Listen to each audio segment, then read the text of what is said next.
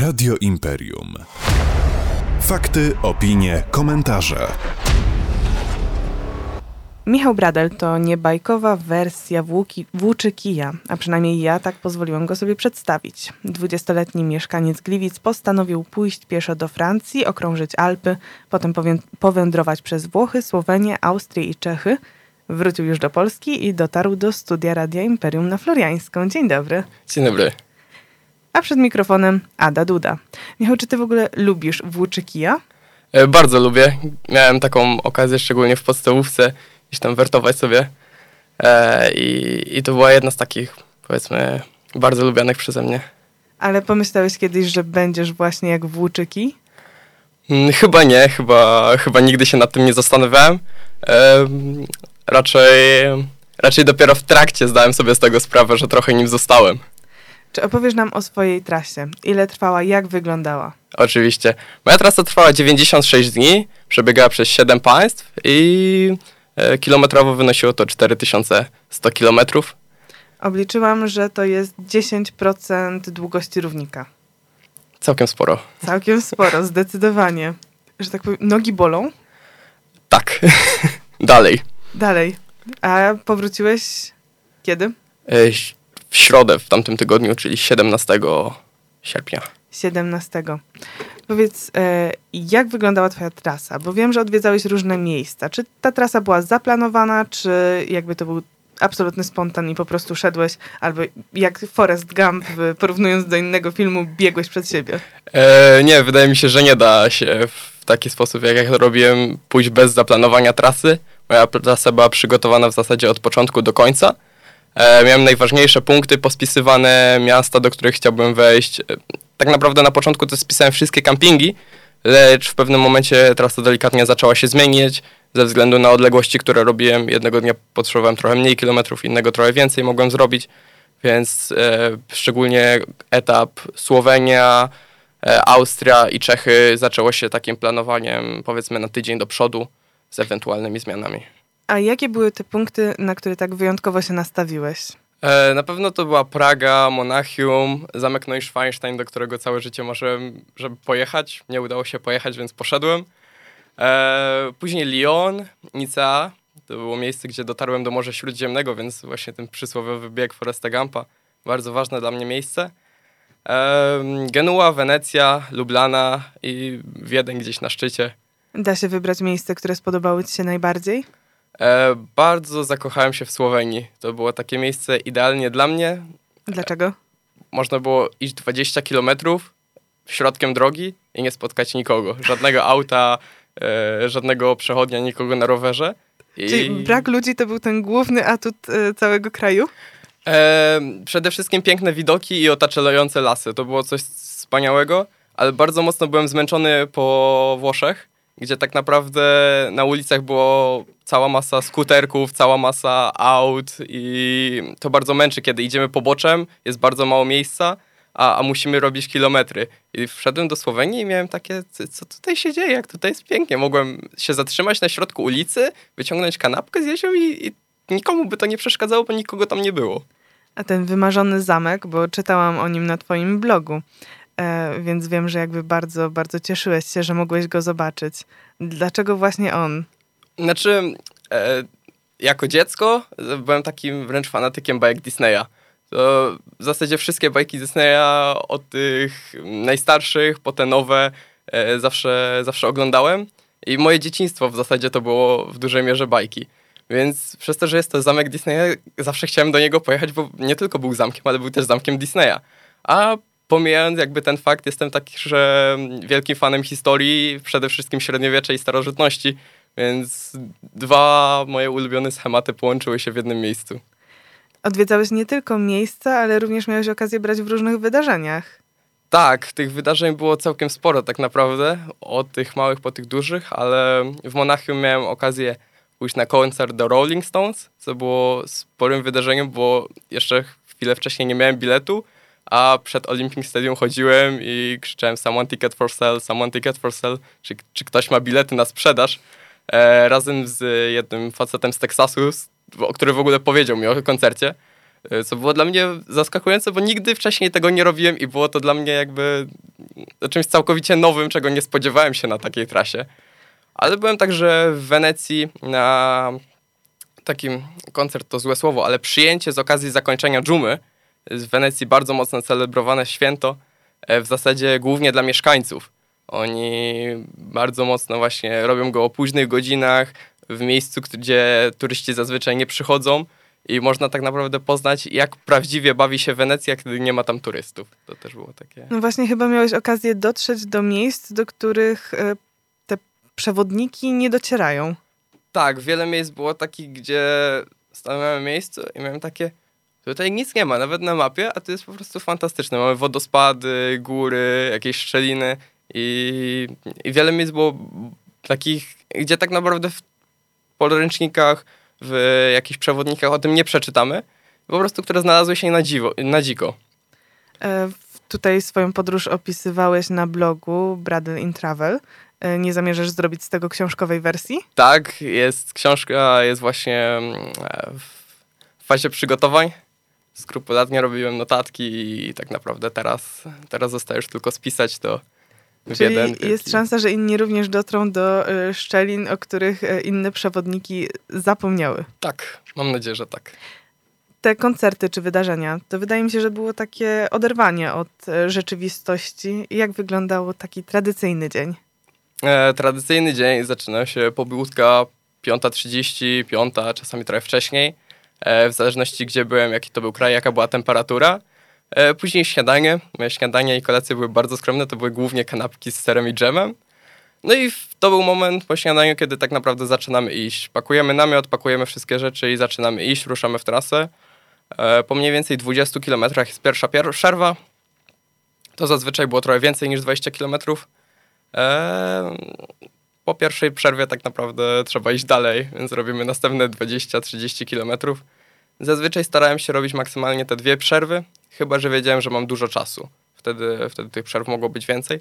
Ale miałem takie miejsce, gdzie potrafiłem siedzieć godzinę w miejscu i podziwiać widoki, bo wiedziałem, że mam czas no, dużo miejsc mi uciekło, bo tego czasu nie było. A skąd wiedziałeś właśnie, że nie ma czasu? To znaczy zaczynało się ściemniać, czy był ten określony czas, w którym założyłeś, że dojdziesz e, do celu czy do kempingu i trzeba tak to zrobić? Ja jakby nie patrzyłem w takiej mierze godzinowej. E, ja to bardziej liczyłem na kilometry. Zrobiłem 25 kilometrów, zostało mi jeszcze 15 kilometrów. Mam jeszcze 8 godzin, 10 godzin, mam czas. Zostało mi 30 kilometrów, mam 5 godzin, nie mam czasu, trzeba, trzeba, trzeba zacząć iść. Więc to wszystko było bardzo płynne. A to było wymierzone na tej zasadzie, sprawdziłam, e, jak w 80 dni dookoła świata i określiłeś sobie czas, w którym musisz przejść, podzieliłeś to na dni, na kawałki i wtedy wiedziałeś właśnie, jak e, trzeba iść? Mm, wyglądało to na początku tak, że rozpisałem trasę rozpisałem trasę, a później dopiero zrobiłem z tego datę. Miało być to początkowo 107 dni. Założyłem, że w takim tempie jestem w stanie iść, żeby e, rzeczywiście przejść tą trasę. E, w pewnym momencie tak naprawdę szedłem szybciej niż zakładałem. E, to nawet nazwałem takim biegiem przez Włochy, bo przez Włochy praktycznie biegłem. To był czas, gdzie robiłem codziennie po 50 kilometrów było tak gorąco, że chciałem po prostu stamtąd uciec. Włochy bardzo mi się podobały, ale temperatura była nie do zniesienia z plecakiem, z, z wszystkim innym. Moja redakcyjna koleżanka nie wybaczyłaby mi, gdybym o to nie spytała. Mówiłeś o y, kanapkach z serem i z dżemem ponieważ ona zwykle uprawia bardziej gastroturystykę. Czy jadłeś coś, co na trasie jakby wzbudziło twój podziw? Tak, miałem e, taką zasadę sobie ustaliłem, że w każdym państwie jem dwa razy w restauracji albo gdzieś, gdzie ktoś zrobi mi jedzenie. E, więc tak naprawdę jadłem żabie łódka we Francji. Było to takie dosyć ciekawe przeżycie. E, polecam spróbować. I na pewno carbonara we Włoszech, prawdziwa włoska carbonara, to też było coś, coś wspaniałego. Ale zapoznając się z materiałami y, tutaj, y, wiem, że tęskniłeś za roladą. Tak, urodziłem się na Śląsku, mieszkam na Śląsku. Jak mówiłem, nie, nie tęsknić za roladą śląską. E, z takich mniej w sumie przyjemnych rzeczy wiem, że spotkała cię również kontuzja na trasie. Tak, trzy dni przed końcem byłem już przy samej granicy z Polską. E, skręciłem kostkę. W zasadzie to był uraz taki trochę przeciągany, bo mm, pierwsze problemy miałem już w Słowenii, gdzie tak naprawdę zacząłem iść z lekkim bólem. On się miejscowo zmniejszał, nasilał, ale jakby cały czas ten dyskomfort w zasadzie od Słowenii już się ciągnął. I właśnie wracając do namiotu, e, skręciłem kostkę, aczkolwiek mm, trzeba było sobie poradzić w takim momencie, nie można odpuścić trasy. To była najbardziej niebezpieczna sytuacja, która cię spotkała? Nie, zdecydowanie nie. Zdecydowanie sytuacji niebezpiecznych jest całkiem sporo. Ehm, sytuację, nie wiem czy niebezpieczną, ale mocno ją pamiętam jako taką budzącą niepokój, bo jak w Czechach zepsuł mi się telefon, e, pamiętam, że była to niedziela i Pardubice i wyszedłem już z miasta, z Pardubic i miałem jeszcze w granicach 15 km na camping i w pewnym momencie po prostu mój telefon się wyłączył nie byłem go w stanie uruchomić i nic. Więc zacząłem wracać do miasta, tą samą drogą, którą przyszedłem. W mieście trzeba było znaleźć telefon, udało mi się kupić telefon, wyszedłem z miasta, ale tak naprawdę bez nawigacji, bez niczego, bez map, musiałem dotrzeć na camping e, tak naprawdę w środku nocy, bo o 19 zepsuł mi się telefon, zanim udało mi się wrócić do miasta, kupić ten telefon, wrócić z powrotem. W granicach 24, 1 w nocy byłem na campingu, a większość trasy miałem po prostu przez środek lasu, drogą przez środek lasu. Więc to była taka sytuacja, która dla mnie przynajmniej była mocno, mocno nieprzyjemna. Inną taką sytuacją było, w zasadzie obie były w Genui. Jedną było jak wyrzucono mnie z kampingu. Dlaczego? E, sytuacja miała miejsce, rano zadzwoniłem do, e, na camping i zapytałem się, czy mają miejsce. Oni tak, oczywiście zrobimy dla pana rezerwację. Przychodzę na camping o 20 i okazuje się, że rezerwacji nie ma, wszystkie miejsca są zajęte. Więc dosyć nieprzyjemna sytuacja. Mhm. E, po przekonaniu pani na recepcji udało mi się jakby wyprowadzić kompromis, że pójdę na dół, popytam na polu namiotowym, czy mogę u kogoś na parceli spać. No i rzeczywiście znalazłem takiego e, podróżnika, który powiedział, nie ma problemu, tylko mam 15 minut. Za 15 minut idę na imprezę, będę dopiero jutro. Jak to załatwiłem w 15 minut, nic nie musisz mi płacić, e, możesz spać. Ja mówię, super. Tylko problem był taki, że chwilę to zajęło i jak wróciliśmy, to nikogo już na recepcji nie było. Poczekaliśmy, nikt nie przyszedł. On poszedł na, na imprezę, ja poszedłem na pole, rozstawiłem namiot o pierwszej nocy.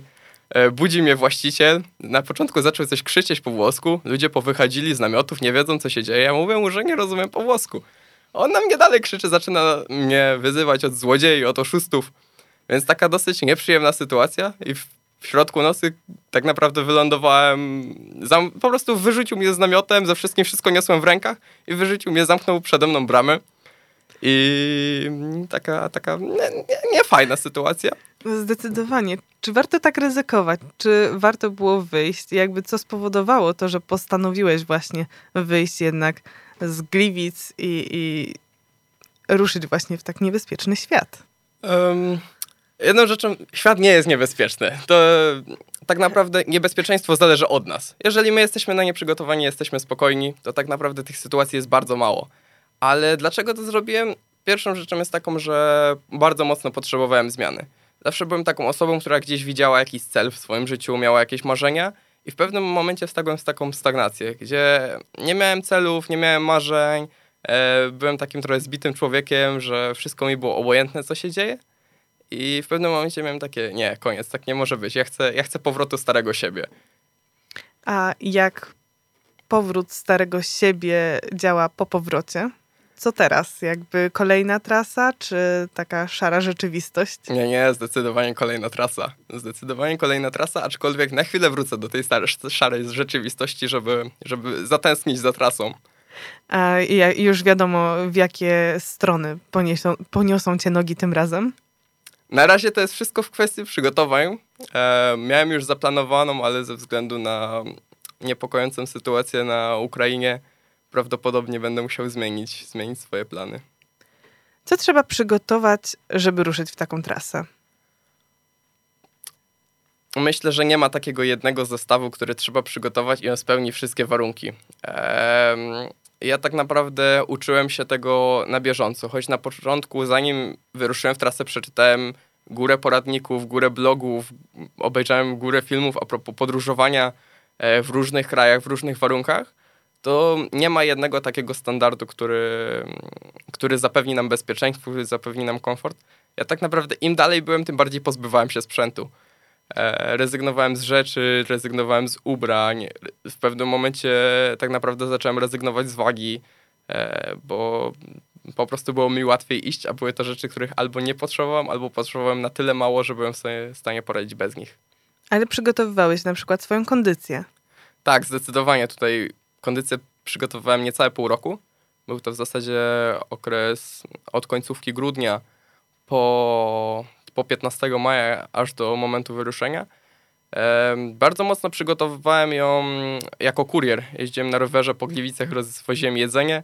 Wydaje się śmieszne, wydaje się jakieś takie, no, no nie. Skuteczne. Aczkolwiek jeżeli jeździmy w każdych warunkach po 12, po 8 godzin, e, mamy mniej godzin, więc robimy trening. Miałem 8 godzin, rano był trening, wieczorem był trening.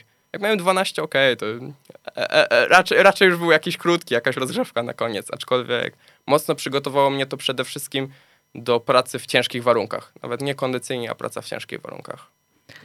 W takim razie życzę Ci wytrwałości na kolejne wyprawy, a teraz odrobinę spokoju. Bardzo dziękuję. No i tej wymarzonej rolady, czy w końcu... Już była. Już, już była. była. Już była. To bardzo się cieszę. Moim i Państwa gościem był Michał Bradel, e, czyli gliwiczanin, który przeszedł ponad 4101 kilometrów przez e, Francję, okrążając Alpy, przez Włochy, Słowenię, Austrię i Czechy i wracając do Gliwic. Bardzo dziękuję. Dziękuję przed mikrofonem Ada Duda. Radio Imperium. Fakty, opinie, komentarze.